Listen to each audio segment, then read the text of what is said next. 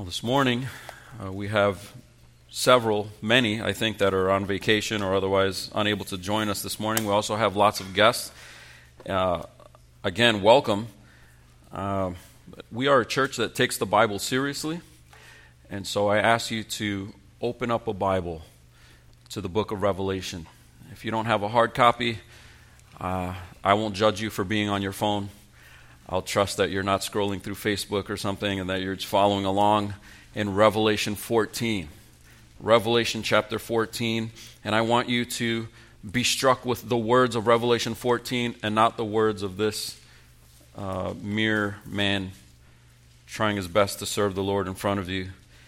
Uh, but in that vein, would you pray with me as we ask for the Lord's help?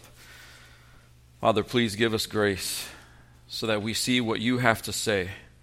Lower the defenses of our hearts that naturally uh, object to your truth and help us to see it for what it is, to see you for who you are.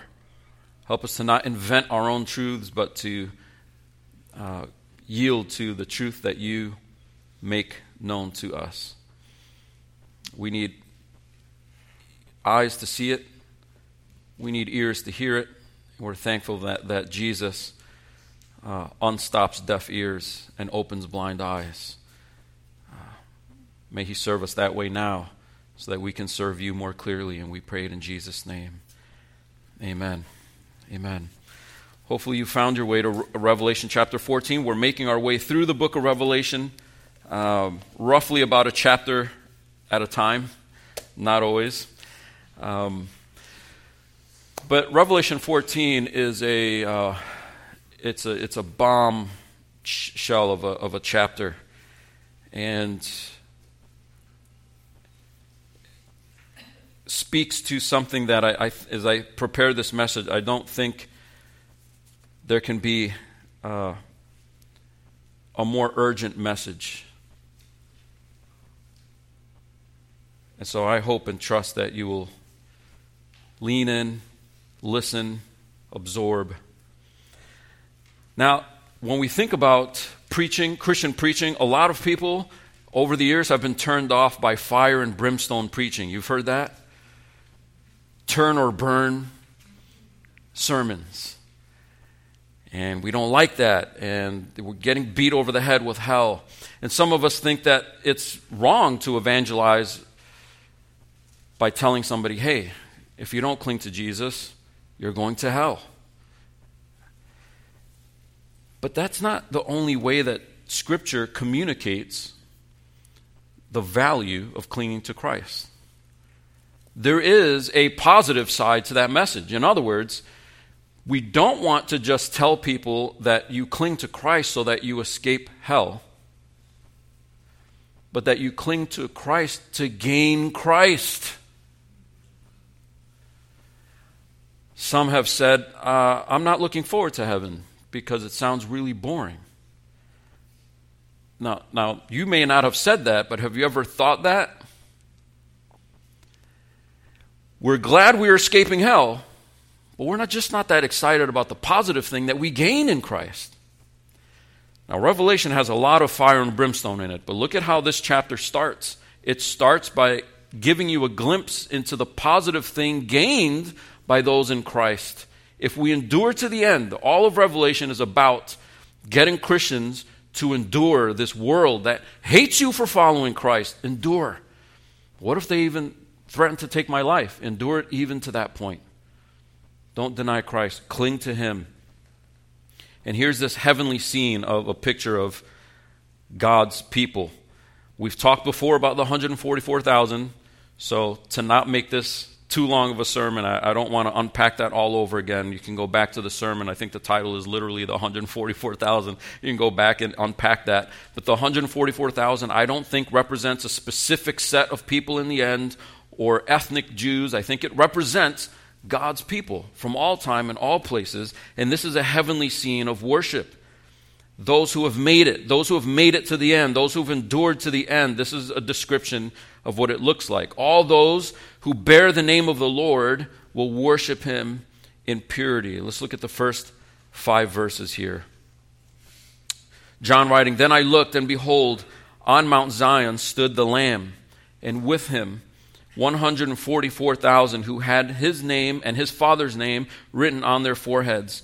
And I heard a voice from heaven like the roar of many waters and like the sound of thunder, loud thunder.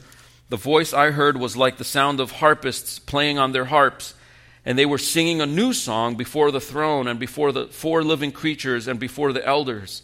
No one could learn that song except the 144,000 who had been redeemed from the earth.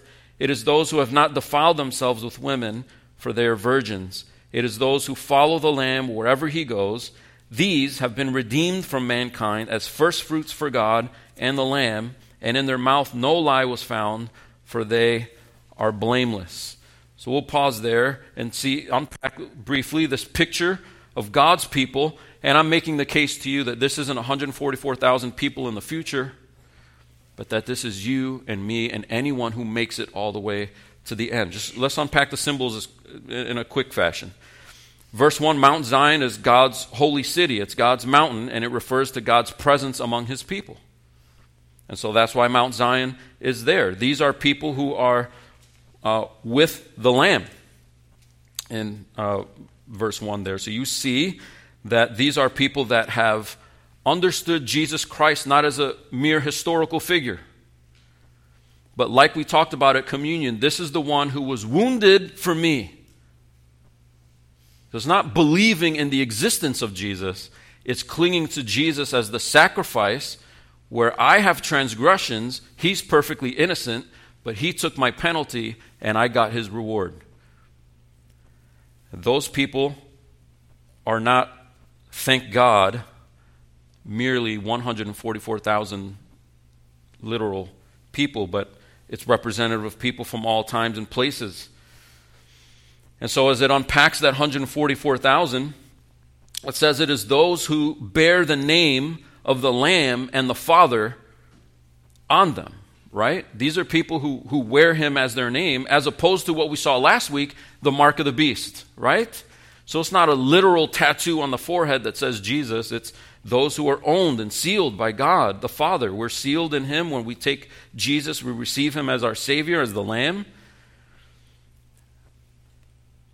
And this, uh, in chapter 9, verse 4, we're told that this is the seal of God on their foreheads, this name. It's the seal of God on, on their foreheads. We're told in verse 3 that they sing a new song. It's, the, it's a song like saints sing. Throughout the Bible, a new song if you look up new song throughout the Bible, new songs either refer to God as the maker of all things, sing a new song. Why? Because of this old truth that He has made all things. Or often, sing a new song. Why? Because He's defeated His foes. So they, they sing a new song after God has uh, accomplished some great victory. Here, what's the victory? The dragon is defeated, the false prophet's defeated, right?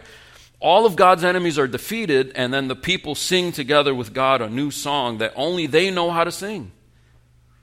They only know only they know how to sing it because they understand the value of it. They understand what redemption is. They understand the joy of God's victory over all these enemies that we've been studying throughout the book of Revelation. They sing a song that only they know.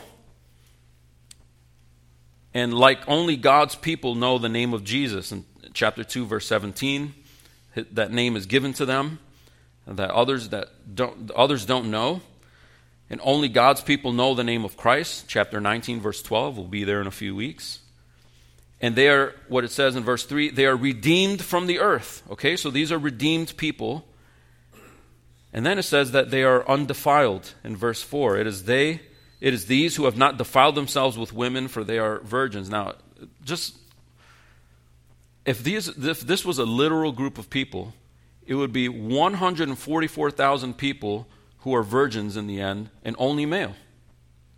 Who are these people? So suddenly, the people who are like, you have to take everything literally, uh, have an issue there, I think. Okay? There's nothing in the Bible that says marriage is wrong and that sexual intimacy within the confines of marriage is wrong. So, why is God saving for himself 144,000 people, not people, men specifically, of sexual age? I mean, it just keeps getting narrower I don't think that makes sense with the rest of the Bible at all. It is figurative. It is figurative. There's a couple different options here, but I'll just give you what I think is the more probable option, and that's to see this as a picture of God's pure church refusing to commit adultery on God with the world. Scripture in various places refers to the church as God's faithful bride awaiting Christ the groom, right? And how does a faithful bride behave? Not sleeping around. As opposed to the idolatry, the spiritual adultery that people are tempted to do by the world. In verse 4 says they follow the lamb wherever he goes. That's straight up faithful discipleship, following the lamb wherever he goes. They're his first fruits, it says in verse 4, which is probably a, a reference to Old Testament passages like Jeremiah 2, where Israel is referred to as God's first fruits, first fruits that he rescued out of Egypt. Not some, he got the whole nation out. So you see the point I'm trying to make. This is God's whole people. They are truth tellers. It says that no lie comes out of their mouth, no account of sin can be held against them. Why? Because they never sin? No, but because they follow the Lamb. It's not that they never have committed a sin, it's that they're blameless because no sin is counted against them, like we just sang. That the condemnation has been lifted for those who are in Jesus Christ. So, this passage describes your destiny if you are in Christ. And it is this tremendous scene of uh, he, he hears this sound, thunder, this as loud as thunder sound, like many waters. And he hears harps playing, and he hears voices singing this song before the throne. It's, it's a worship scene. Now, I don't think this might be good news to you. I don't think this is saying that our eternal destiny is only singing worship songs to harp music. I, I, don't think this is saying for all eternity, all you're going to do, interminably, with zero breaks, is singing one song after another to just harps. That, that wouldn't make sense. Uh, that's not how we're interpreting the book of Revelation, right? It's representative it's representative of eternal worship to the Lord. And so, of course, there's going to be the most glorious singing we've ever heard. The most glorious singing we've ever heard.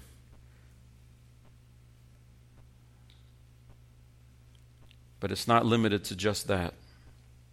We also know there's going to be a new earth. We're going to have new bodies. We know that new earth is going to be better than the original creation, which is good. It was good, and in the original creation, man had a mandate. Working was not the curse. The difficulty of working was the curse. Mankind is created to have roles and purposes and to explore and to invent and to create civilizations. This, this is going to be true then. And so we have no idea just how awesome all of that is going to be to be able to do that with glorified, resurrected bodies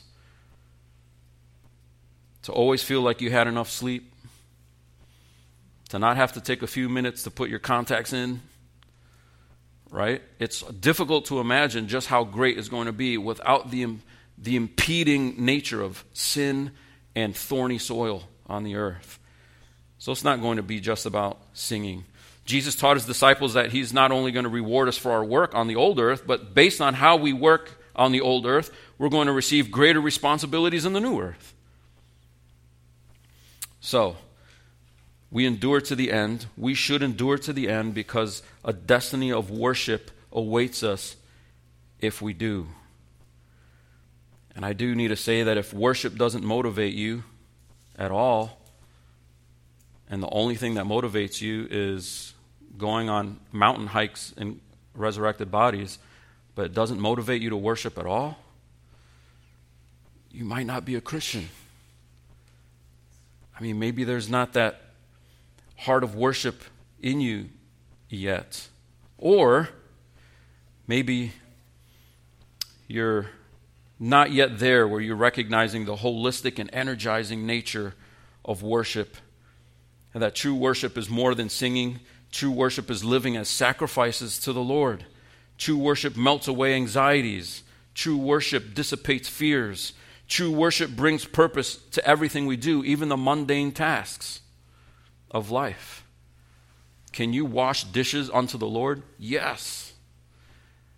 And, brothers and sisters, we need to figure that out because that's what this is saying. Everything is unto the Lord, He is the center, He is our purpose, and we will worship Him for eternity. Yes, in song, but not only in song, in everything that we do. Worship should be motivating to us. We should be looking forward to the future because of worship and not just escape of something bad. However, yes, there is a positive reason to follow Christ. There's also a negative reason. There's another motivation to endure in faith to the end. The Bible does emphasize the negative side as well that if we don't endure, there is the reality of hell.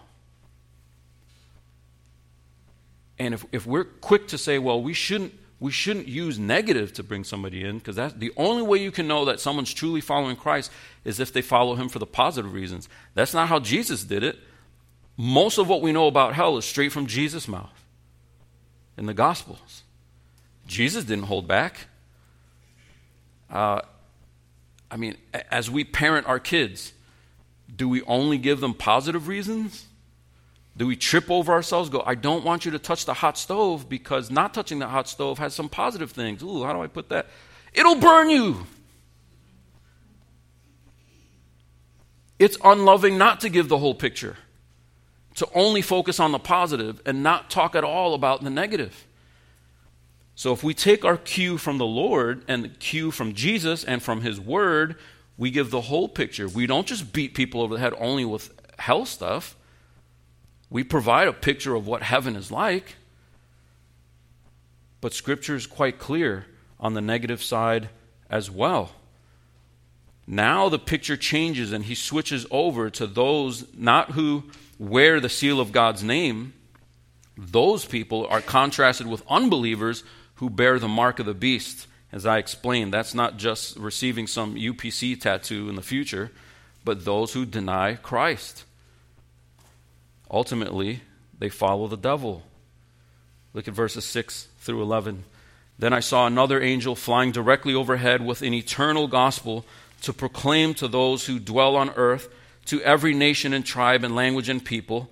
And he said with a loud voice, Fear God and give him glory because the hour of his judgment has come, and worship him who made heaven and earth, the sea, and the springs of water. Another angel, a second, followed, saying, Fallen, fallen is Babylon the Great, she who made all nations drink the wine of the passion of her sexual immorality. And another angel, a third, followed them, saying with a loud voice, If anyone worships the beast and its image and receives a mark on his forehead or on his hand, he also will drink the wine of God's wrath, poured full strength into the cup of his anger, and he will be tormented with fire and sulfur in the presence of the holy angels and in the presence of the Lamb. And the smoke of their torment goes up forever and ever, and they have no rest day or night, these worshippers of the beast and its image, and whoever receives the mark of its name. All those who refuse to worship the Lord bear the mark of the beast and will suffer for eternity. Here's your options, folks. Delete that and only take the portions of Scripture you want that are palatable to you. My warning to you is now you're making God in your own image. And if you just look at the Ten Commandments, you haven't passed Commandment 1 yet. Specifically, Commandment 2. The other option is to look at it and say, This is the word of the Lord. Thanks be to God. Let's not trip over ourselves reinventing Christianity. Let's take the text for what it says and receive the warning that it offers. Now, here in this passage, you see three angels in a row one, two, three, right? And it goes like this The first angel represents what everyone is supposed to do, it's a, it's a warning. The second angel is a description of those who don't heed that warning, it's an indictment. So, first angel, warning. Second angel describes those who don't heed the warning. And then the third angel, judgment for those rebels, which I'll remind you is every single one of us outside of Christ. Amen. So, first, the first angel, what everyone is supposed to do, this warning is to worship our Creator. Sometimes, often, Scripture gives us the positive reasons for worshiping our Creator, but here it gives the negative side. And it explains that there's this eternal gospel given to the earth, this, this gospel going out throughout the whole world, that if it's not embraced, there are consequences. It's, it's a warning. It's not just, a, oh, it would be really great if you bought this, and you're just kind of a mediocre situation if you don't. This isn't the difference between great and mediocre, it's the difference between life and death. And this gospel is how God has made a way through Jesus, the Lamb. Notice how this passage is about the Lamb. It starts with the Lamb, and, and as it moves through, there's people who reject him and people who embrace him. It's about the Lamb. And the reason why Jesus is consistently referred to as a lamb and not lion, although it started out with lion, remember that? And quickly switch to lamb, is because that's the only way we make it. That's the gospel. The only way you make it the only way that your destiny is the worship one and not the judgment one is clinging to Christ the Lamb, who died for me so that I can have life. And so it's something that we do by faith. That's the gospel going out into all the world. And the warning piece is that if we don't remain, uh, if we don't cling to Christ, then we remain under God's wrath for disobedience and rebellion. Now, the second angel comes in, verse 8, and then briefly describes the rebellious unbelievers, using Babylon as an image. You've read the Old Testament. You remember Babylon was that wicked city where Israel was in exile. They weren't in control of things. Babylon forced idolatry, and oftentimes Israelites were killed because they didn't bow the knee to the idols. And so Revelation is using Babylon as your situation where the world puts pressure on you to not worship Christ. Will you give in to that pressure? You're like Israel in Babylon. And so Babylon forced idolatry. Babylon prompted many, even Israelites, to cheat on God, if you will. And that's why it's using the imagery of sexual immorality. It's in contrast to the virginity of a bride awaiting the bridegroom. And this is what endurance is about. Endurance is about not drinking what the world is offering. Then the third angel, verses 9 through 11. This text, this announcement, this third angel, is clearly about the eternal destiny of those who do not faithfully await the groom, but instead take the mark of the beast and betray the Lord. As I've explained to you before, I think it's a danger to go, well, the beast isn't around yet, and we don't know what the mark is yet, so I think I'm good. This might be talking about you. Those who do not cling to Christ as a lamb have already received the mark. It only gets exposed when the gun is to your head and you deny Christ. You didn't deny Christ in that instant, you denied him before, but you were playing church. That just showed it. This is about two destinies, and we need to take in the full picture of that judgment destiny to understand what's at stake. Now, some might argue that this text is about a specific group at the end of history, right, that they receive the literal mark, but as I've tried to explain, I think that's too narrow. That means this is for everybody. And there's plenty of other passages about hell that make it clear that hell is not only about a specific set of people in the final end. What, what bad destiny awaits everybody else throughout history who's not in Christ? Something else? No, that's, that's the destiny. That's the, that's the destination. And this scene describes, in the starkest of terms, a scene of eternal torment. Now, if I were writing the book of Revelation, I might have written it differently. But this is why I ask you to turn to Revelation 14 and not turn to some set of notes I give you. Don't worry about Revelation 14. Here's my notes. I want your nose in the text as it describes this scene. It describes a scene as God's wrath poured full strength in verse 10 into the cup of his anger. Do you realize there are Christians who believe God doesn't have anger? It's below God to have anger? What Bible are they reading? The Bible where you get to pull out a Sharpie and mark off the things you don't like. That Bible. Now, it's not out of control anger, and it's certainly not unjust anger or unrighteous anger, but it is anger nonetheless. It's described as wrath, it's described as anger. And those who worship the beast and its image, from verse 9, in verse 10, it says, He will be tormented with fire and sulfur in the presence of the holy angels and the presence of the Lamb, and the smoke of their torment goes up forever and ever, and they have no rest day or night, these worshippers of the beast and its image, and whoever receives the mark of its name. Now, some argue that this isn't an eternal torment, that it's not that they're tormented forever, but that eventually God will just kind of erase them, delete them, or wipe them out, or something similar. Now, let me just quickly explain why I don't think that's the case. In chapter 20, verse 10, it's clear that this place is where the devil, the beast, and the false prophet will go. In chapter 20, the devil, the false prophet, and the beast are thrown into the lake of fire and sulfur. And it says, and they will be tormented day and night forever and ever. It's pretty clear that torment is what's going on forever. Not the memory of torment, but the torment itself is what is enduring. Okay? And I think it's hard to argue that this is only the destiny of the devil, the beast, and the false prophet, and that it's not the destiny for their followers, or that the followers go there, but the eternal torment is for the devil, the beast, and the false prophet which are people, by the way.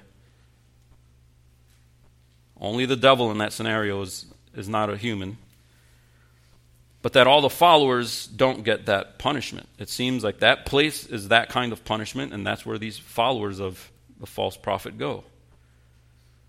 And then here, that same place is where unbelievers go. And verse 11, the smoke of their torment goes up forever and ever. The smoke continues forever, now I ask you, looking at the text, what's fueling that smoke?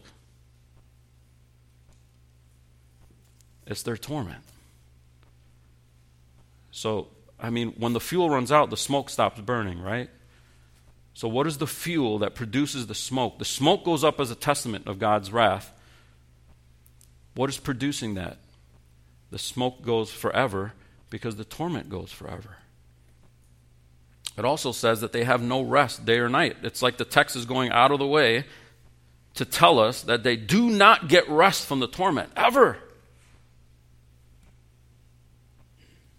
Torment is never used in the Bible of obliteration or extinction. It is always conscious experience. And that's what torment means, right? It's not torment if you don't feel it. It's not torment if you don't experience it. Torment is experience. And that's what goes forever. Finally, some would argue that forever and ever doesn't necessarily mean eternal duration. let me explain to you why that's the problem. It's a problem because where forever and ever is positive, we love that it actually means eternal duration. But where forever and ever is negative, we're like, oh, we got to find a way out. I'm just give you a few quick examples. Just staying in the book of Revelation, chapter 1, verse 6. God the Father, to God the Father be glory and dominion forever and ever. Does it mean a little while Chapter 4, verse 9 the one seated on the throne lives forever and ever. Does God have an expiration date? Or does it mean forever? Chapter 5, verse 13 To him who sits on the throne and to the Lamb be blessing and honor and glory and might forever and ever. Does God run out of might? Will there be a time where he doesn't receive glory? Chapter 11, verse 15 Christ shall reign forever and ever. There are many more, but you get the point. You, you can't have it mean eternal duration when it's positive, and then it means something definite when it's negative. And I want to make this important aside just because I think this is probably the biggest tripping hazard for people in this text. Why do we struggle to accept this? Why is it difficult to grasp? I don't mean intellectually, I mean emotionally. that God would subject unbelievers to torment forever. Now, I'll grant you, I, I think there's a lot of symbolic imagery here smoke and sulfur and fire. I, Uh, throughout Revelation, haven't I been telling you that symbolic, it's symbolic, it's symbolic? So it would be wrong of me to suddenly be here. No, it's literal fire. I think it is symbolic. The problem is when people say, oh, it's symbolic, therefore it's a slap on the wrist. He's using painful imagery to describe something because that's the best the vision can offer to give you a glimpse of what's awaiting unbelievers forever. Understand what I'm saying? I don't think it's boredom sitting in a corner. It's, it's some kind of torment. Uh, you can't get around the fact that it's torment. The, the fire and the sulfur and the smoke, that's imagery, but what they're experiencing is torment. Just like worship, you know, harps might be symbolic, loud thunder might be symbolic, but singing and worship isn't symbolic. That's what they're doing. The, the symbols are just showing you you know, surrounding that thing, that action with, with what it looks like and what it means. And so here, okay, maybe I might grant you it's not sulfur, actual fire, and literal smoke, but it is literal torment, whatever that is. And I think the reason why we struggle to grasp this is because possibly our hearts are too callous to understand what we really deserve. If God is perfectly just and he says that this is the punishment awaiting unbelievers, then that must mean it's a just punishment. If I feel like it's a harsh punishment and not just, the options are God is too harsh or I don't get the weight of my own sin. I'm guessing it's the second one. God is just this is the punishment. Therefore, for me to understand it, I have to subject myself and define justice according to God's terms, subject myself to what Scripture says justice is. And I need to recognize in all of that, God provides an escape. Jesus took hell so you don't have to. And so the person who gets so caught up in this and rejects God is just saying, Look, I don't care if you provide a way of escape. The fact that you say, I'm so bad I deserve this, makes me spurn you. I don't want you. And these people will hate God forever. They're never, it's not like three million years into the torment, they're suddenly going to realize, you know what? He's right. I do deserve this. They're never going to feel like they deserve it. They should be up there. If anything, God should be the one down here being tormented. He's evil, and he's unfair, and he's unjust. But some of us, our consciences are pricked. Somewhere along the way, we realize we deserve a lot worse than we think. But, praise be to God, He has made a way. Jesus Christ is the Lamb. Now, you can be upset with God. You might struggle with this. And right now, you might leave and go to lunch going, that's the, just the worst thing I ever heard, that God could be like that. But if it ever sinks in, I want you to remember that this passage is not the hell passage, it's the Lamb passage the good news that the angel proclaims, that first angel that goes throughout the earth, that's now. And the door to the ark is still open. Now, we can quibble about whether God should send the rain or the flood, but it's coming. And I want you to get in. That's embracing Jesus Christ as your Savior. Coming to Him with all of our flaws, all of our wickedness, all of our deeds and if we spent all day naming all of those, we wouldn't name all of them because some of them we don't even see them as sin because our hearts are too callous to even see it. And we ask Him to forgive us of that too. And He does. So, to finish this off, Revelation calls those on this side of death, where you still have a chance, you still have the opportunity to, to cling to Christ as the Lamb. He calls you to endure in faith in Jesus Christ. Verses 12 and 13 it literally says it. Here is a call for the endurance of the saints, those who keep the commandments of God and their faith in Jesus. And I heard a voice from heaven saying, Write this Blessed are those, or blessed are the dead who die in the Lord from now on. Blessed indeed, says the Spirit, that they may rest from their labors, for their deeds follow them. Now look at that focus on the works of the saints. Here's a call for endurance of the saints, those who keep the commandments of God. And so there's two mistakes we make throughout the history of the church people arguing about works and faith. It's a d- debate that persists probably till the Lord returns, right? But I want you to notice the two work together. Okay? It says those who keep the commandments. Now, some people say, see, you have to obey to make it. It also says those who uh, keep their faith in Jesus. See? It's by faith alone. Well, which one is it? Well, it's both. That we're saved by faith alone, but as they say, not faith that remains alone. Faith looks like something. We've visited that before, right? Faith produces stuff in the life of the Christian. And that looks like obedience. Jesus explained that if you love me, you'll do what? You'll obey my commands. And so it's the two things working together. It's born by faith, it begins with faith, but it's accompanied by commandments and good works. Those who keep the commands and their deeds follow them, it says in verse 13. So it is about faith, but it's about faith that produces works, and the dead they, they experience what the unbelievers don't. The unbelievers get no rest day or night, remember? But the believers do find rest. They find rest from all their labors. They find rest from the struggle against sin. They find rest in the struggle to produce through thorns and a fallen world. And they find rest from the lack of judgment and the lack of torment. So, the call is urgent.